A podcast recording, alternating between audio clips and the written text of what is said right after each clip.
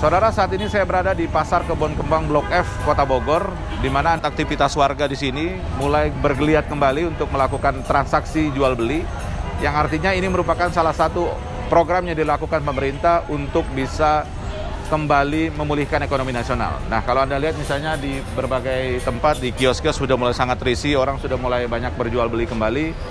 Itu merupakan kabar baik bagi kita semua. Namun, Sebentuk lebih jelasnya, kita akan berbincang dengan Kepala Pasar Blok F Kebun Kembang di Kota Bogor untuk melihat sebenarnya atau menanyakan bagaimana kondisi real yang sudah dirasakan sejak awal tahun 2021. Untuk itu saya bersama dengan Pak Sri Karyatno. Sri Karyatno Pak ya. Pak Sri, Pak, Pak saya panggil apa? Pak Sri aja Pak. Pak Sri aja, Kepala Pasar Blok F di Kebun Kembang ini. Kalau li, kita lihat uh, sekilas kondisinya udah mulai baik nih Pak, tapi mungkin kita bisa lihat juga atau bikin bisa tahu Bagaimana kondisi realnya transaksi yang ada sekarang sejak awal tahun, Pak? Baik, Pak. Uh, pertama kita sejak dibuka awal memang kita uh, uji coba dulu, Pak. Uh, soft launching dulu. Memang sebelum grand launching juga belum kita lakukan soft launching. Dari hari ke hari itu peningkatan traffic pengunjung itu meningkat, Pak. Dari awalnya 300 per satu harinya itu kita memang hitung. Terus uh, lama uh, lambat laun itu meningkat sampai pada hari ini uh, kita sampai 2.400 pengunjung ke sini Pak. Sehari? Satu hari ini. Oke. Okay. Kayak gitu Pak. Jadi uh, ini baru dibuka satu lantai Pak. Jadi lantai satu dan dua belum kita buka. Normalnya berapa Pak jumlah pengunjung yang ada Pak? Kalau diestimasikan buka semua untuk kiosnya itu bisa jadi tiga kali lipat Pak. Tiga kali lipat. pengunjung kita ini sini. Nah ini kan menjelang Ramadan Pak dan juga Lebaran gitu. Ada prediksi nggak Pak ya? Kira-kira belajar dari kondisi yang lalu kunjungan orang apakah di tahun ini akan jauh lebih baik dibanding dengan tahun yang lalu Pak? Melihat saat ini perkembangan COVID-19 sudah agak sedikit meredah Pak, melihat kayak animo masyarakat untuk kembali kepada pasar kita hmm. itu dalam gairah kembali, menggeliat kembali Pak. Yeah. Melihat traffic dari hari ke hari itu sudah meningkat. Hmm. Artinya eh, si masyarakat atau si pengunjung di Blok F ini sudah melihat dan sudah bisa bertransaksi agak sedikit normal. Oh, meskipun okay. kami tetap melakukan prokes yang ada di sini. Nah, ini prokes ini dilaksanakan bisa eh, kalau ada tempat cuci tangan gitu ya. Anda bisa ada cuci tangan, kemudian juga itu pasti harus digunakan Pak ya, wajib ya. Itu uh, sangat wajib uh, sekali Pak untuk kita terapkan di sini hmm. dikarenakan apa? Kita tetap uh, panduan kita adalah prokes sebelum masuk ke sini Pak. Pertama kita cuci tangan dulu, suhu tubuh kita cek juga, dan begitu juga kita wajib bermasker di sini Pak. Oke, jadi memang ini wajib bagi, Betul. misalnya Anda lihat mungkin teman-teman ini semua bermasker semua, artinya prokes memang dijalankan Pak, Pak Sri ya? Siap. Pak Sri ya. Nah ini Pak Sri kalau dilihat dengan kondisi yang tadi disampaikan, kira-kira butuh berapa lama Pak untuk dapat kondisi normal lagi? Ah, yang sehubungan dengan adanya kita uh, menjelang Ramadan, Pak. Ya. Ini sangat ramai sekali udah mulai ke Blok F, Pak. Mungkin hari Senin akan lebih ramai nih Pak ya? Saya menjelang... sangat antusias untuk hari Senin meningkat kembali untuk okay. eh, pengunjung. Nah ini kabarnya para pedagang di sini dan juga manajemen pasar sudah divaksin semua nih Pak? Alhamdulillah kita sudah vaksin Pak pada okay. tanggal kemarin tanggal 1 Tanggal 1 ya? Uh, ya. Rata-rata ada dua kali vaksin? Sudah dua kali. Dua kali vaksin, oke. Okay. Pak Sri, terima kasih banyak Pak Sri. Terima kasih banyak ya. Oke baik, tadi kita sudah berbincang dengan Kepala Pasar Blok F Kebun Kembang di Kota Bogor mengenai uh, kembalinya transaksi yang jauh lebih menggeliat, apalagi tadi sudah divaksinasi semua, hampir semua pedagang di sini vaksinasi, dan ini adalah gambaran bagaimana ekonomi kita sioknya bisa pulih kembali. Maulana Isnarto dari Pasar Blok F Kebun Kembang di Kota Bogor melaporkan.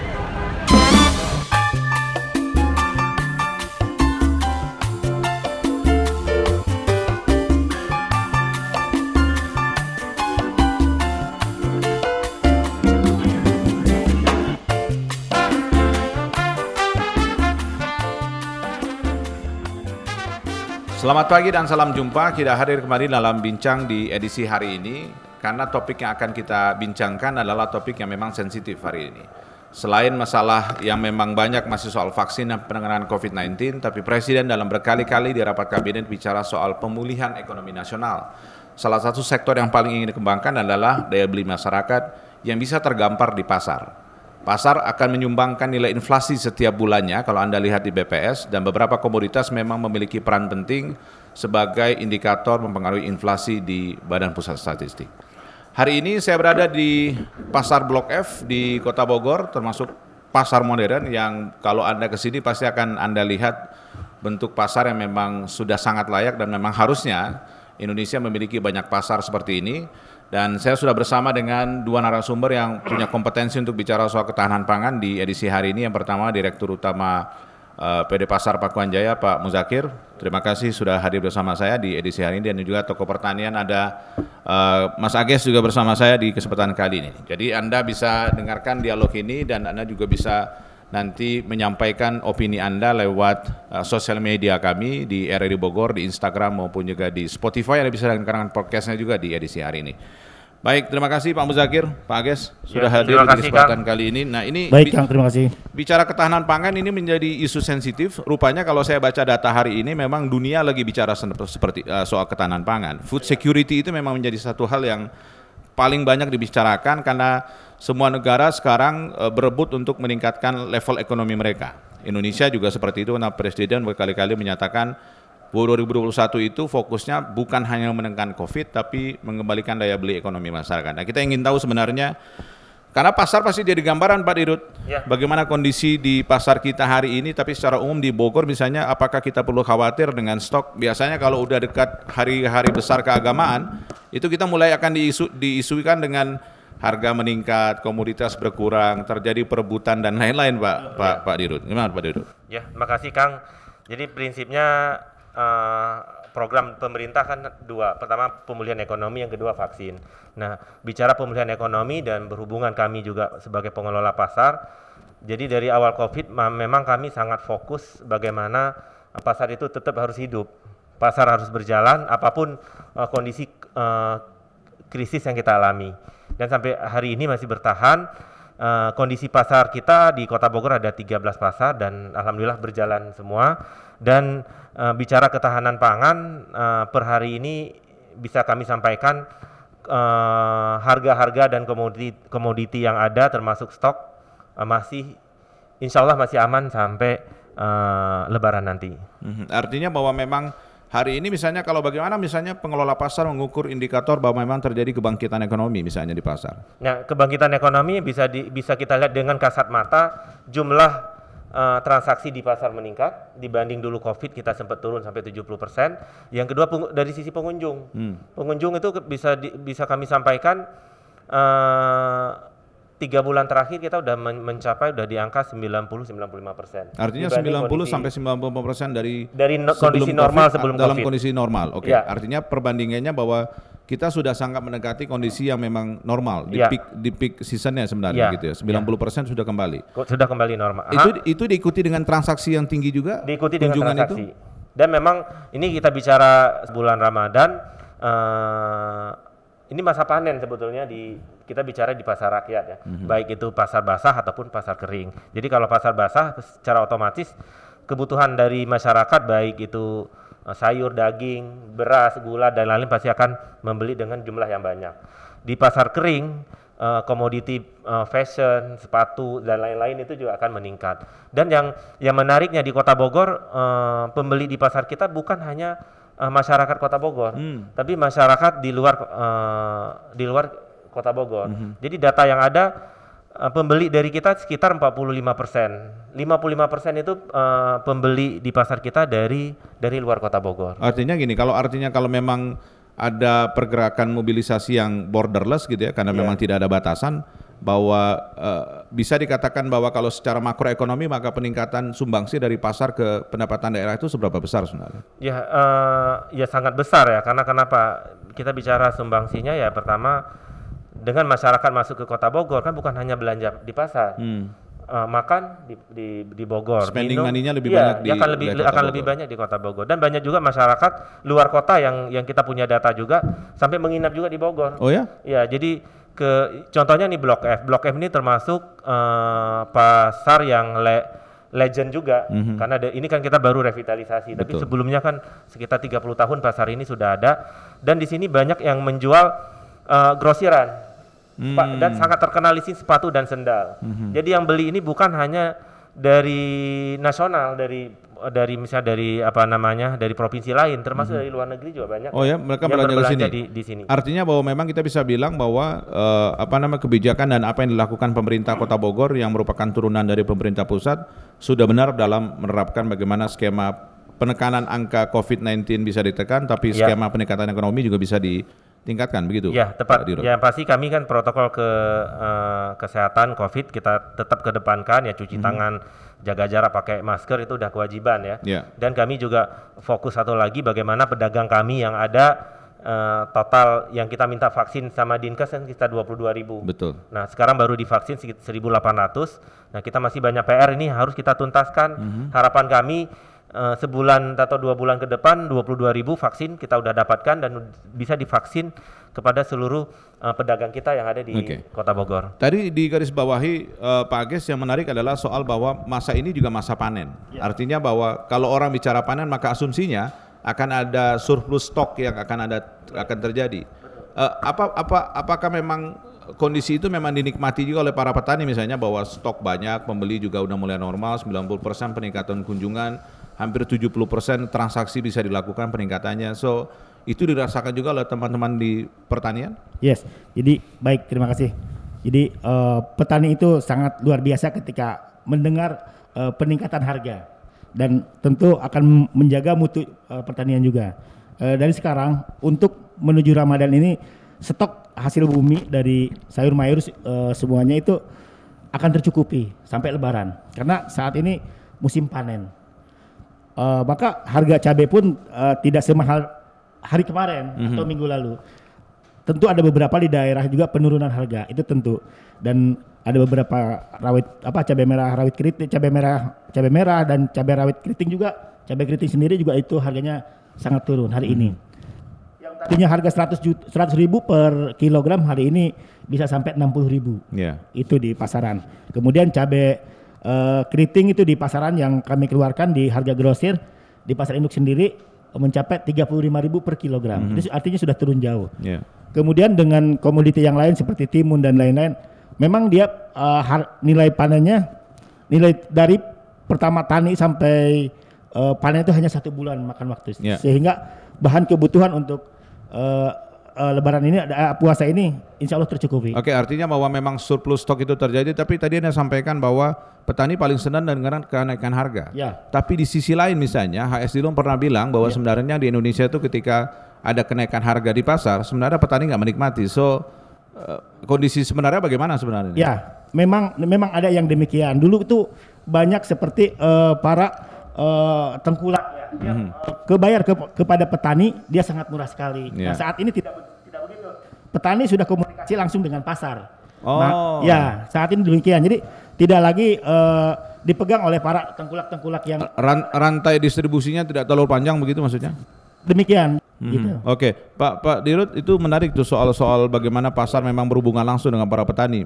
Ini mungkin banyak orang nggak tahu karena paradigmanya ketika kita bicara petani di Indonesia ada kata-kata Dilon yang paling saya ingat soal bahwa di Indonesia itu lebih banyak buruh tani sebenarnya dibanding petani. So Iya. ini baru nih bahwa benar jadi transaksi bisa langsung dengan pengelola pasar Pak Dirut. Ya memang eh, kondisi di lapangan memang seperti itu. Walaupun memang ada beberapa eh, apa nama produk pertanian yang masih masih dipegang oleh eh, oknum lah bahasa Iya. kita ya. Cuman yang pasti sih dari sisi kami Perumda Pasar Pakuan Jaya, kami juga lagi proses eh, PMP penyertaan modal di Dewan. Eh, kita mau bikin eh, unit bisnis yang namanya Kujang Logistik. Nah, ke depan eh, produk-produk pertanian yang kita langsung komunikasi dan kerjasama dengan eh, petani. Hmm. Tujuannya apa? Untuk me- eh, memastikan ketersedia- ketersediaan stok di Kota Bogor.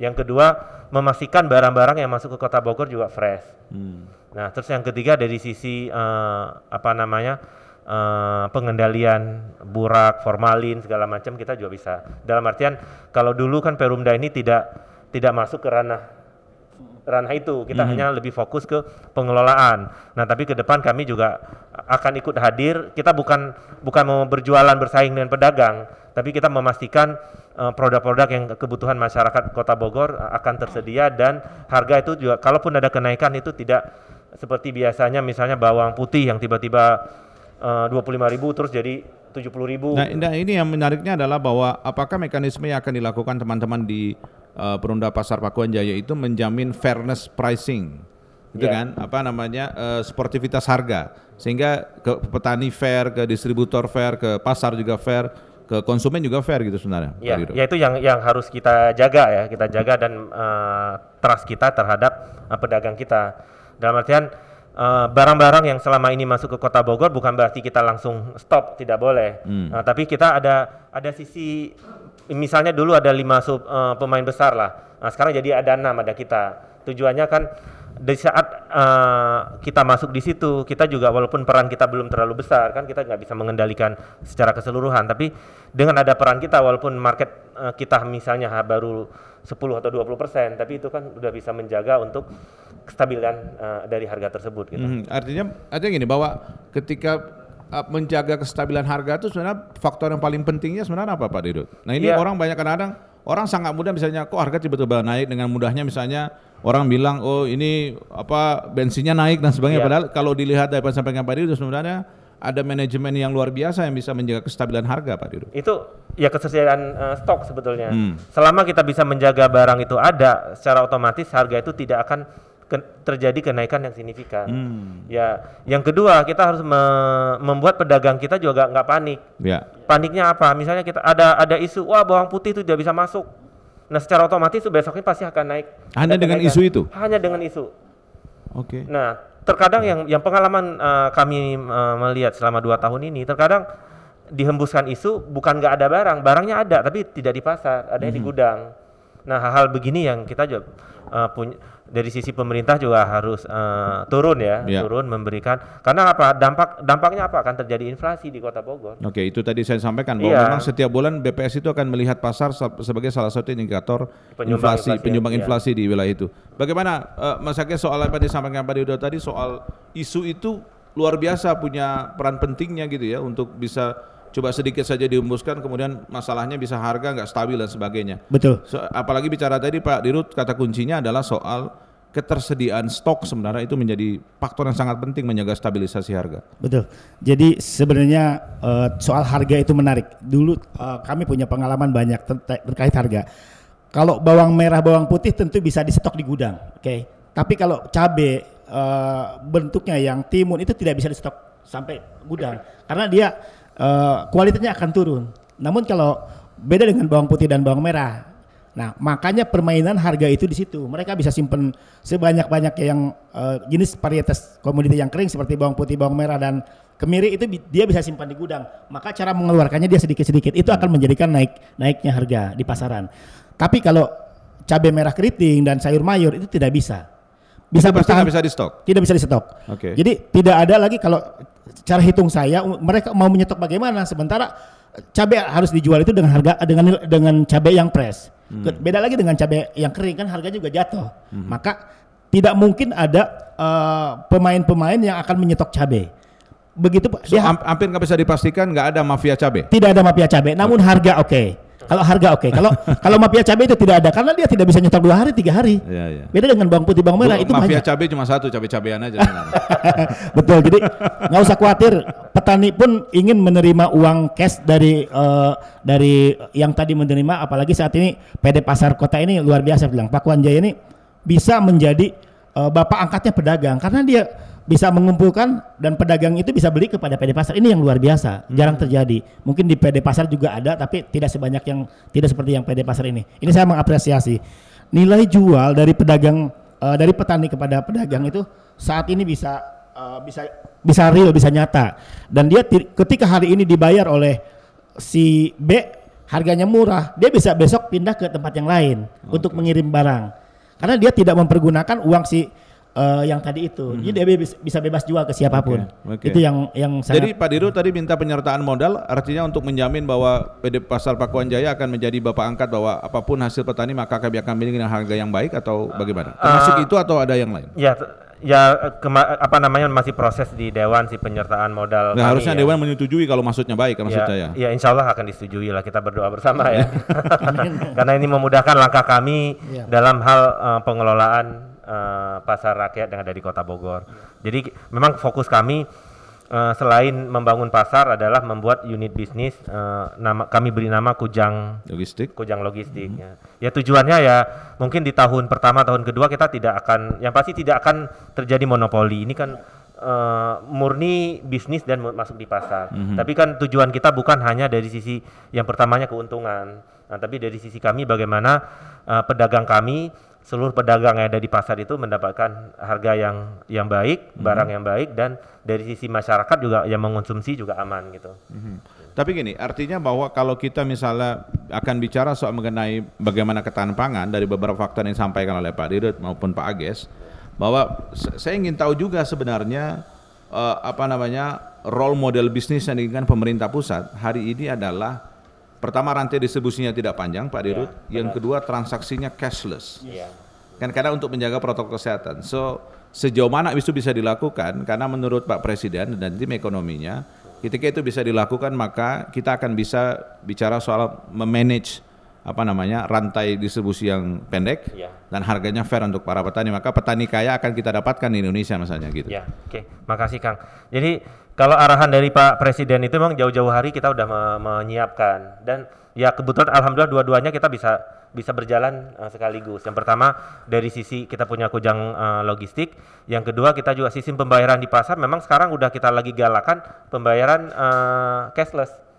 Nah, kita udah punya eh, kujang kujang fresh. Hmm. Nah, kujang kujang fresh kita Oh sorry, bu- bukan Kujang Fresh nama produknya. eh, Imani kita namanya eh, Ikujang. Oke. Eh, kita punya udah punya di Android dan di eh, iPhone juga bisa di download.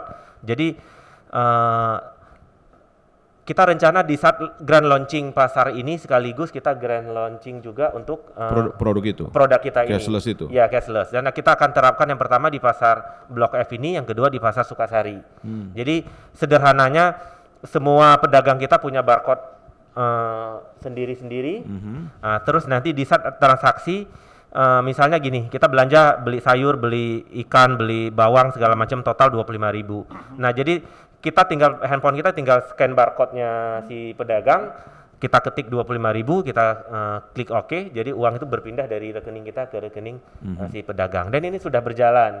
Kita cuman lagi menunggu eh, di saat grand opening eh, Blok F sekaligus kita eh, opening juga untuk ikujang kita. Oke, tapi total sekarang ada berapa pasar yang dikelola oleh PD Pasar Pakuan Jaya? Ada total 13, satu pasar masih bermasalah, jadi total ada 12 pasar yang kita kelola. 12 pasar Ya. dikelola. Oke. Dan target kami eh, di 2021 ini semua pasar eh, sudah menerapkan sistem pembayaran eh, ke masyarakat cashless. Mhm. Walaupun nanti penerapannya yang uang tunai kita juga masih bisa Ya masih pasti terima. pasti akan ada proses toh. Iya. Karena beberapa aplikasi yang cashless juga punya proses untuk sampai pada mereka mengisi eh, apa namanya elektronik money mereka Iya. di di handphone gitu. Nah, artinya gini, ketika tadi ada 12 pasar gitu. Banyak orang bertanya gini, Pak Dirut. Iya. Kenapa komoditas yang sama kita beli di beberapa pasar itu Iya. harganya bisa berbeda?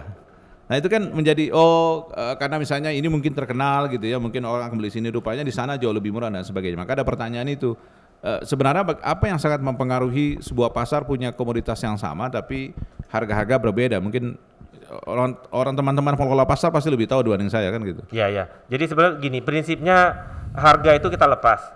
Eh, Perumda itu tidak pernah intervensi harga, karena harga yang ha- harga itu akan berubah harian dan kita juga punya tim tiap hari mengecek eh, harga-harga di semua pasar dan kalau masyarakat sebaiknya sebelum belanja bisa cek web kita. Web kita, wah sayur a- bawang ternyata murah di sini, minyak beras murah di sini. Mm-mm. Nah itu begitu juga sama persis dengan kejadian di eh, di market modern. Jadi misalnya ada Giant, ada Jogja, ada apa pun, kan semuanya kadang-kadang hanya hanya permainan aja. Hmm. Dan begitu juga yang kami amati di pasar. Jadi misalnya satu satu pedagang eh, dia untuk menarik eh, konsumennya ya dagingnya dimurahin hanya 2000 atau 3000 dibanding pemain yang lain. Hmm. Ya tujuannya orang akan datang ke pasar tersebut untuk berbelanja. Di saat orang beli eh, ayam misalnya pasti kan nantinya beli beli daging, beli bumbu, beli yang lain-lain. Nah, ini yang yang kami amati eh, harga ada perbedaan tapi tidak signifikan. Tapi fair nggak sih cara begitu sebenarnya? Fair. Kan Oke ini ya? bagian dari promosi. Nggak masalah ya? Tidak masalah. Tidak masalah. Itu tidak akan mempengaruhi iklim dari masing-masing pasar atau iklim dari harga. Karena misalnya ada orang menganggap bahwa ah, sebuah mekanisme dibikin akan merusak harga pasar. Dan itu berefek secara luas, domino efeknya luar biasa. Dan satu lagi yang mempengaruhi eh, ketersediaan eh, stok dari para pedagang. Contohnya misalnya di di, di beberapa pasar kita eh, buah itu yang banyak nyetoknya di jambu dua. Hmm. Nah, jadi secara otomatis akan akan rame pembeli cari buah itu di jambu dua. Nah, secara otomatis harga dari eh, produk tersebut juga akan lebih akan le- relatif lebih kompetitif dibanding dengan eh, pasar yang lain. Hmm. Nah, misalnya bicara daging atau eh, ayam, daging, ikan, nah itu pasar mana? Nah, identiknya sekarang itu di pasar Bogor. Karena kenapa? Memang dari sisi pedagangnya lebih banyak, terus yang kedua dari sisi masyarakat juga eh, banyak yang berbelanja di situ untuk kebutuhan-kebutuhan tersebut. Oke, saya saya pernah lihat misalnya Pak Dirut misalnya mengunjungi salah satu tempat stok di wilayah Tangerang pada saat itu itu Iya. ingin belajar bahwa Perumda Pasar Pakuan Jaya ingin ingin juga menjamin stok stok harga sehingga tidak sangat terpengaruh dengan kondisi yang insidental begitu. Ya, enggak kami kemarin eh, mengunjungi Tangerang itu karena pasar induk itu dikelola oleh oleh swasta. Mhm. Nah, itu pasar swasta udah lama juga, udah sekitar 20 tahun. Nah, jadi eh, karena kami kan ada ke, ada dari sisi pemerintah akan mengambil alih pasar TU Kemang. Hmm. Nah, jadi dan nanti setelah diambil alih kan pengelolaan itu ada di kami. Oke. Nah, jadi kami juga selama ini kan pasar induk yang kita punya di Kota Bogor hanya pasar in- eh, pasar TU. Nah, di saat diambil alih kan secara otomatis wewenang untuk pengelolaan itu ada di, di kami di Perumda Pasar Pakuan Jaya. Nah, maka kami kemarin bawa tim ke sana eh, untuk eh, melihat eh, perbandingan lah ya dengan yang kita punya. Ada di saat nanti kita am- di saat Pemkot ambil alih, kami yang pengelolaan apa aja yang harus kita A- Apa, apa apa value yang paling penting belajar dari kondisi 20 tahun mereka t- t- survive bikin pasar induk dan sebagainya. Ya kalau dibandingkan dengan eh, pasar kita ya jauh. Pasar induk kita yang sekarang ya. Ya. Jauhnya kenapa? Karena belum kita kelola. Hmm. Belum pemerintah yang ambil alih. Oke. Masih dikelola oleh swasta. Jadi perbandingannya ya jauh kayak apa ya bahasanya kayak langit dan bumi. Mhm. Jadi dari sisi akses eh, fasilitas umum, sisi penerangan segala macam kan. Ya ini yang yang kita punya poin-poinnya yang nanti di saat kita ambil alih kita lakukan pengelolaan ya kita juga akan buat eh, standar pasar yang memenuhi ke- kriteria Bu, maafin Bapak ya. Maaf buat apa Bapak? Sekarang ini situasi keuangan keluarga kita sulit gara-gara pandemi. Ah, nggak apa-apa Pak. Namanya juga roda kehidupan, pasti terus berputar. Yang penting mah tetap berusaha Bapak. Tapi berat rasanya Bu, Bapak gak sanggup. Keuntungan usaha kita aja pas-pasan. Pak, saat manusia di tengah keterpurukan, selalu ada jalan keluar untuk bangkit dan tetap maju. Hmm, sampai kapan begini ya? Jangan patah semangat atuh Pak. Ibu dan anak-anak selalu berdoa supaya usaha Bapak berkah, lancar buat keluarga kita. Amin. Doakan selalu ya Bu. Iya.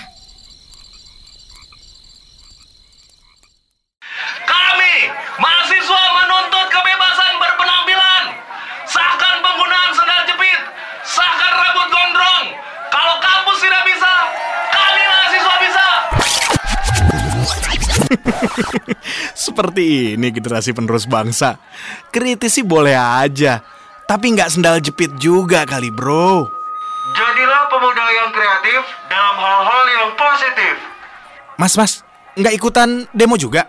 Maaf mas, saya mahasiswa kampus sebelah. Lah ngapain di sini?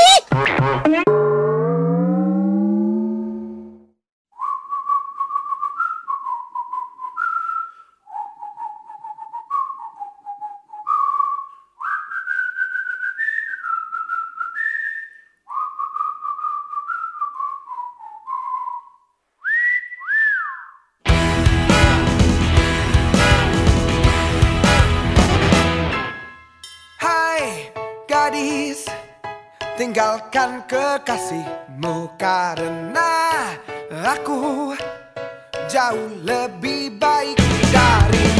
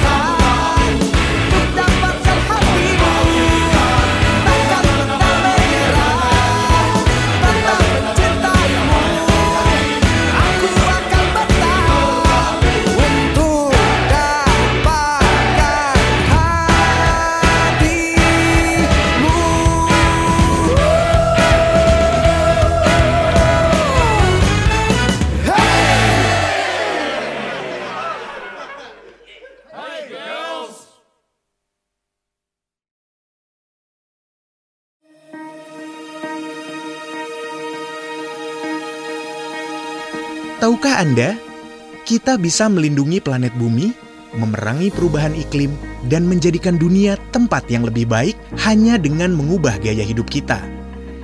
Ganti kebiasaan kita mengkonsumsi makanan atau minuman dalam kemasan dengan membawa botol dan alat makan kita sendiri, serta ubah kebiasaan kita memakai kantong plastik dengan membawa tas belanjaan sendiri.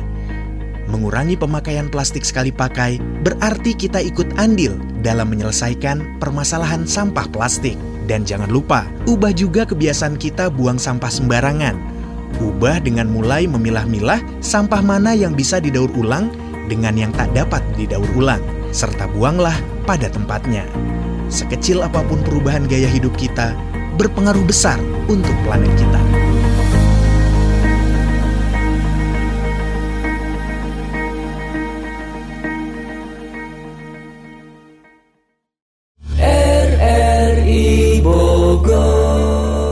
102 FM 1242 AM Kanal Inspirasi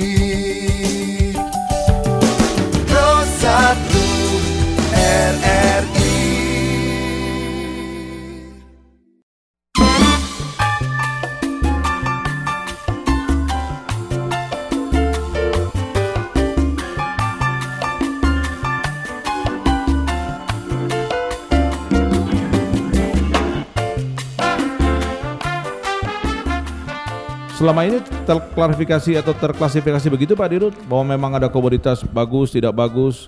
Kan misalnya kita lihat itu misalnya kalau orang banding misalnya kalau di Kabupaten Bogor pasar bersih ya. Pasar Ya. bersih Sentul itu salah satu contoh ketika dia memang bicara soal klasifikasi komoditas sebenarnya. Itu memang agak beda harga tapi memang komoditasnya luar biasa. Bagus. Nah, itu memang udah sampai ke level itu Pak Dirut? Sebetulnya di pasar sendiri juga sudah ada. Jadi misalnya kayak sayur ya, so, ya bisa bahasanya eh, super atau bahasanya eh, grade A, grade B Iya. gitu kan. Itu istilah dari sisi pedagang juga bermacam-macam. KW, KW Super, original. Iya. Jadi itulah kondisi yang ada di di pasar ya. Jadi memang eh, biasanya kalau kalau kalau yang terjadi ya di market barang-barang yang super itu masuknya misalnya di level supermarket yang Ya. yang grade A-nya gitu. Betul. Yang di bawahnya ya grade B-nya. Nah, tapi eh, kondisi di pasar sebetulnya eh, perbedaan itu tidak terlalu mencolok. Hmm. Nah, tetap ada harga yang grade A sama grade B. Tapi Tapi agak susah kita bedain ketika kita bicara komoditas kan susah. Ini yang bagus banget atau enggak ya? Karena kan biasanya tercampur kalau di pasar ya. Tercampur di pasar tercampur walaupun eh, kan kita juga ada jualan online kita eh, Ya, Pak. betul. Nah, jualan online kita memang kita minta ke pedagang kita grade A-nya. Nah, grade A ini dengan secara otomatis harga yang diberikan ke kita sedikit lebih mahal dibanding harga harga pasaran mereka. Oke. Nah, tapi kita tidak ada tidak masalah karena memang kita menjualnya memang eh, menghitungkan memang itu produk yang Oke. yang grade A-nya. Pak Ages mau nanggapi itu? Soal itu tadi klasifikasi Iya, komoditas? betul. Jadi itu tadi betul yang disampaikan Pak Dirut PD Pasar bahwa klasifikasi barang itu memang berbeda. Mhm. Harga pun mereka juga berbeda. Eh, ketika dia cabai walaupun dalam satu kebun itu cabai semua, tapi cabainya juga berbeda, Om. Se- Kenapa berbeda? Kualitasnya yang dia jual itu tentu akan yang bagusnya. Nah, kemudian yang afkirnya maaf kalau orang orang pasar bilang sih pasar induk itu BS-nya gitu. Itu itu dia jual untuk giling dan lain-lain. Itu tidak dijual di ampar seperti itu. Dan akan terlihat beda sehingga eh, sehingga barang tersebut dengan yang jelek dan bagus itu akan terlihat beda, Om. Gitu. Itu jauh-jauh jauh akan lebih terlihat. Itu sudah betul sekali yang disampaikan Pak Dirut. gitu. Oke. Baik, Pak Dirut sedikit saja eh, update hari ini komoditas yang bisa disampaikan menjelang apa puasa 2 1442 Hijriah mungkin bisa disampaikan di beberapa tempat Pak Dirut. Ya dari pantauan kita harga yang tadi di Pak Pak Agus juga sampaikan ya bahwa harga memang eh, seminggu ini relatif stabil. Eh, jadi nyaris tidak ada eh, kenaikan harga yang mencolok ya. Eh, dan malah beberapa yang harga te- terutama di cabai yang kemarin yang paling isu kita kan dua bulan ini kan cabai ya. Iya. Terutama cabai 100 ribu terus 80 ribu ya. sempat 140 Oh iya, Ca- 140 cab- ribu. cabai cabai jabla itu sempat 140 ya Berarti Bapak berdua penyuka pedas, kalau saya enggak. Jadi saya enggak terlalu ada Nah, cabai. nah, hari ini kan ada relatif eh, ini sebenarnya dibandingkan harga normal dia masih mahal. Iya. Di angka 70 ribu, 80 ribu kan masih mahal ya. Hmm. Nah, tapi dibanding yang sebelum-sebelumnya udah sangat eh, turun dan kita juga berharap kondisinya mulai membaik. Kan ini juga udah musim di pengu- pemu- apa namanya penghujung musim hujan. ya. Hujan. Iya. Nah, biasanya nanti juga akan ada panen panen raya lagi cabenya juga. Ya insya Allah ke depan juga. Wa- Walaupun Bogor itu dikatakan walaupun dia musim panas dia tetap apa wet season sebenarnya. Oh iya, cuman yang ya, problemnya kita kan walaupun kita hujan terus kan tapi di tempat lain bisa jadi panas kan. Betul, betul, betul. Makanya- Karena dan kita tidak tidak menanam, kita kan hanya menerima. Hmm. Nah, kita kan Itu komoditas-komoditas yang memang isu cabai, kemudian karena nggak ada mafia cabai tadi Pak Agus ya. Tidak ada, mafia Tidak- cabai tidak ada. cabai tapi yang lain relatif eh, stabil Relatif ya. stabil bawang, ya. Bawang merah, bawang putih masih di ya bawang putih masih di angka Tapi bis- bisa nggak kita belajar dari beberapa kebiasaan misalnya bahwa akan ada sesi di mana orang akan apa seakan-akan panik buying sehingga akan menimbulkan fluktuasi harga. Eh, pengalaman setahun terakhir kemarin kan yang panik buying itu kan hanya kasus masalah covid aja kan. Iya. orang nggak boleh keluar rumah ya akhirnya semua orang eh, nimbun. Sembako. nim- nimbun sembako di rumah. Itu sempat sih kenaikan. Tapi setelah eh, kami juga cepat turun ke ke pa- ke pasar menyampaikan himbauan ke ke pedagang dan ke masyarakat nggak usah panik ya bertahap kan Itu itu udah udah bisa dikendalikan. Udah, udah. Itu- Artinya itu bahwa hanya- hanya tapi memang awal. akan ada sesi itu. Kan kalau kita bicara soal pandemi hari ini kita masih pandemi dong. Ya, dan kita jujur ya, bicara pandemi kan walaupun tren di Bogor kan turun ya, Mhm. tapi kan nggak kita nggak semuanya tidak ada yang tahu. Ya, kita tetap harus waspada Ya, memang. buktinya negara lain ada juga yang sekarang lagi do- eh, lockdown malah Betul, kan. Bisa betul. kita lagi eh, lagi euforia dengan vaksin ini gitu. Dan- tapi ya pasti kita harus eh, kesiapan dari sisi kita. Eh, dan kami lihat dari sisi pemerintah juga bagusnya apa? Sisi ekonomi itu terutama yang produk-produk pasar itu diberikan kelelua- keleluasaan normal. Maksudnya gimana? tuh? Jadi maksudnya kan dulu kan semua yang lain kan dibatasi. Mhm. Tapi dari sisi kita mau uh, truk masuk dari Jawa mau dari mana selama itu komoditi pasar dan kita tetap uh, pasar itu aksesnya bisa dibuka 24 jam. Oh, oke. Ini Ah. baru tahu nih kita Iya, informasinya. walaupun bahwa- memang ada beberapa jam yang kita sengaja tutup untuk uh, apa namanya penyemprotan dan lain-lain ya. Tapi yang pasti uh, dari awal Covid uh, semua produk pasar itu diberikan akses. Misalnya gini, dulu kita sempat berdebat juga, waduh pasar malam tutup. Kami sampaikan nggak bisa, Hmm. karena akses barang loading itu di malam hari. Bisa kebayang kalau kita buka di di siang hari, itu kemacetan itu bukan hanya SSA, tapi bisa sampai ke Tajur itu macet. Nah Hmm. akhirnya hal gini juga dari sisi uh, kepolisian dan uh, pimpinan juga memahami. Akhirnya memang dari awal pasar itu tidak pernah di walaupun COVID dulu lagi parah-parahnya Mhm. tidak ditutup. Kalau yang sekarang ketika kita memang memang angka menurun dan doanya akan terus menurun. Amin, Walaupun amin. memang epidemiolog mengatakan Ya. bahwa ini like a season dia akan turun so nanti akan increasing lagi karena le- apa namanya second wave, third wave dan sebagainya. Kata tadi Pak Dirut udah bilang bahwa beberapa negara ada lockdown kembali. Iya. Ada termasuk RRI belum bisa kirim perwakilannya karena nggak diterima sebenarnya di sana kan.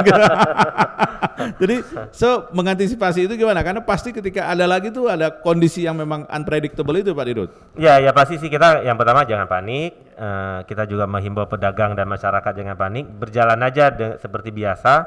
Dan kita juga berharap eh, dari sisi petani kita ya, Mhm. apakah di Jawa Barat atau Jawa Tengah atau Jawa Timur yang masuk, termasuk yang di Lampung juga eh, produksinya bagus, panennya juga menghasilkan bagus dan Mhm. transportasi ke ke kita juga bagus. Oke. Selama itu bagus, walaupun pandemi, menurut saya sih insya Allah dari sisi eh, kebutuhan pokok eh, pasti aman. Oke, Pak Pak Ages sedikit saja Pak Ages sebelum kita akhiri perbincangan kita, Pak Ages kita ingin tahu misalnya kalau biasanya kita tanya tuh Pak Dirut dan stakeholders, Iya.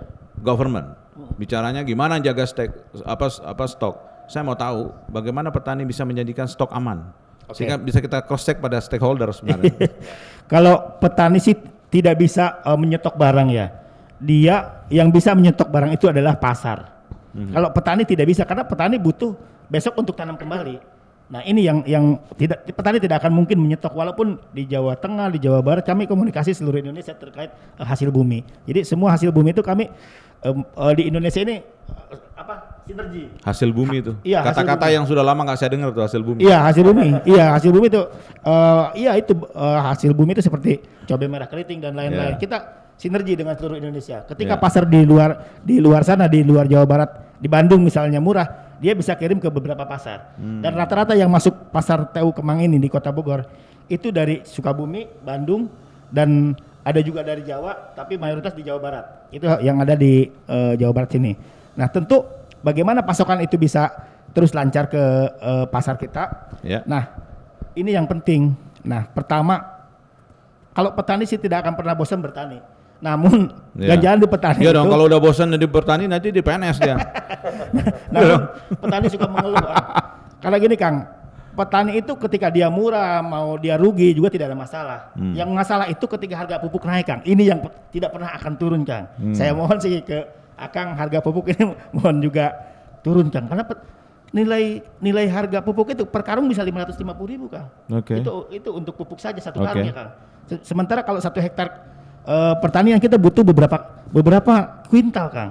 Nah ini yang harus juga di diingat juga. Sehingga Oke. kalau harganya mahal dari petani, kalau giliran cabai mahal ribut semua orang kan. Padahal petani itu nggak nggak menerima seutuh itu. Dia untuk eh, tanamnya, dia untuk beli pupuknya, dia beli untuk mulsanya. Karena ta- petani sekarang udah pada pinter dia waktu itu pakai mulsa kan, tidak kayak dulu lagi gitu. Nah ini, nah dari hasil cabai seperti dan lain-lain sayur mayur di di Indonesia khususnya hasil panen itu tidak akan pernah lama. Cabai merah keriting itu dari tanam sampai panen Kang hanya tiga bulan Kang. Hmm. 94 hari. Timun mm, 32 hari. Jadi bisa dikejar ah minggu besok pun panen gitu. Terus Siap. kemudian bawang merah tiga bulan Iya. gitu. Jadi stok sampai lebaran pun insya Allah Aman ya? Aman. Oke, Gitu. baik Pak Dirut. Terakhir Pak Dirut dari pengelola pasarnya. Ya, ya kalau bicara yang tadi Pak Agus sampaikan, eh, kami memang sudah memetakan. Jadi eh, karena iklim di Indonesia kan walaupun kita dari ujung timur ke ujung barat kan berbeda. Ya. Jadi masa panen cabai antara di Lampung dengan di Jawa itu berbeda. Mhm. Nah jadi yang yang kalau yang kami amati yang kita butuhin apa jaringan dan transportasi. Hmm. Di saat kita punya jaringan, kalau misalnya masa panen panen cabai itu bagus di Lampung ya dari Lampung kita masukin. Di saat dari Jawa Tengah yang bagus ya dari Jawa Tengah kita masukin. Dalam artian ini tujuannya apa? Mengendalikan harga kan. It- itu dilakukan ya, memperluas itu ya. Nah, in- yang saya lihat sih sebelumnya belum. Ah, nah, oke, ini yang, yang oke. ke depan kan. Ini menarik nih. Ah, ke depan kita emang harus berubah, harus bergerak ke sana. Ah, dan kita juga eh, lagi menjalin kerjasama IPB dengan Agricon ya. Nah, kita juga ada konsep eh, di Sentul itu ada lahan eh, sekitar 100 hektar. Mhm. Nah, ada rencana dari Agricon dan IPB juga mau pengembangan eh, 10 produk yang sangat diminati di pasar. Mereka akan tanam Hmm, dengan budidaya yang lebih modern ya. Dalam artian cabai itu dulu dipengaruhi oleh faktor hujan segala macam. Nah, ini, Ini dengan so dengan- teknologi adaptif Iya, ya? kita udah pakai teknologi yang harapan kita eh, kalau ini bisa berjalan baik, eh, kebutuhan eh, masyarakat Kota Bogor bisa terpenuhi dengan eh, adanya lahan s- 100 hektar yang rencananya akan di Oke, so kalau pertanyaan saya bahwa stok aman, stok insya Allah aman. harga stabil, Nah, kalau bicara harga, mungkin ya prediksi saya pengalaman eh, le- puasa itu tang hari Selasa, mungkin hari Senin akan sedikit ada kenaikan, tapi kenaikan juga karena stok stok kita eh, banyak dan Oke. insya Allah tidak akan lonjatan yang luar di biasa. 12 pasar aman semua Pak Aman, ya? aman. Oke, jadi biasanya Senin akan agak harga naik itu biasa Pak? Ya naik sedikit karena permintaan tinggi ya. Itu biasa kayak yang jual apartemen, Senin harga naik. Jadi oke semua harga harga akan stabil, stok aman. Tadi petani udah memastikan, manajemen pasar udah memastikan, tinggal Ya. kita memang harus memanage uang kita untuk membelikan itu. Ya. Jangan sampai karena dulu Pak Wakil Wali Kota pernah marah tuh pada saat kita talkshow, bagaimana bisa eh, ramenya pasar ditangkap wartawan itu di masa Covid. Pak, Pak Muzakir sempat bilang, pas ditanya, itu yang dibelanjain tuh duit bansos. itu mendekati lebaran. Mendekati ya. lebaran. Iya. Yang dibeli bukan komoditas sayur, tapi Iya. baju yang dibeli saudara. Terima kasih banyak Pak Dirut baik. sudah bersama kita. Pak juga terima kasih banyak. Kita harapkan bahwa kondisinya aman-aman saja, tapi sekali lagi protokol kesehatan harus dijalankan. Di sisi pasar semua pedagang menjalankan protokol kesehatan, di pembeli juga harusnya sama. Ya. Jadi memang kita harus tetap menjaga protokol kesehatan karena sekali lagi kabar baiknya angka konfirmasi positif COVID sudah sangat turun, sangat turun. dalam stabil sekali. Tapi jangan lupa ada varian baru dari Jepang yang ini memang akan jadi momok kalau kita nggak menjaga kondisi kita. Tapi sekali lagi tidak ada yang bisa bisa lakukan kecuali menjaga protokol kesehatan sambil mengalihkan daya beli masyarakat lewat pemulihan ekonomi nasional. Saya Maulana Salto, sampai jumpa.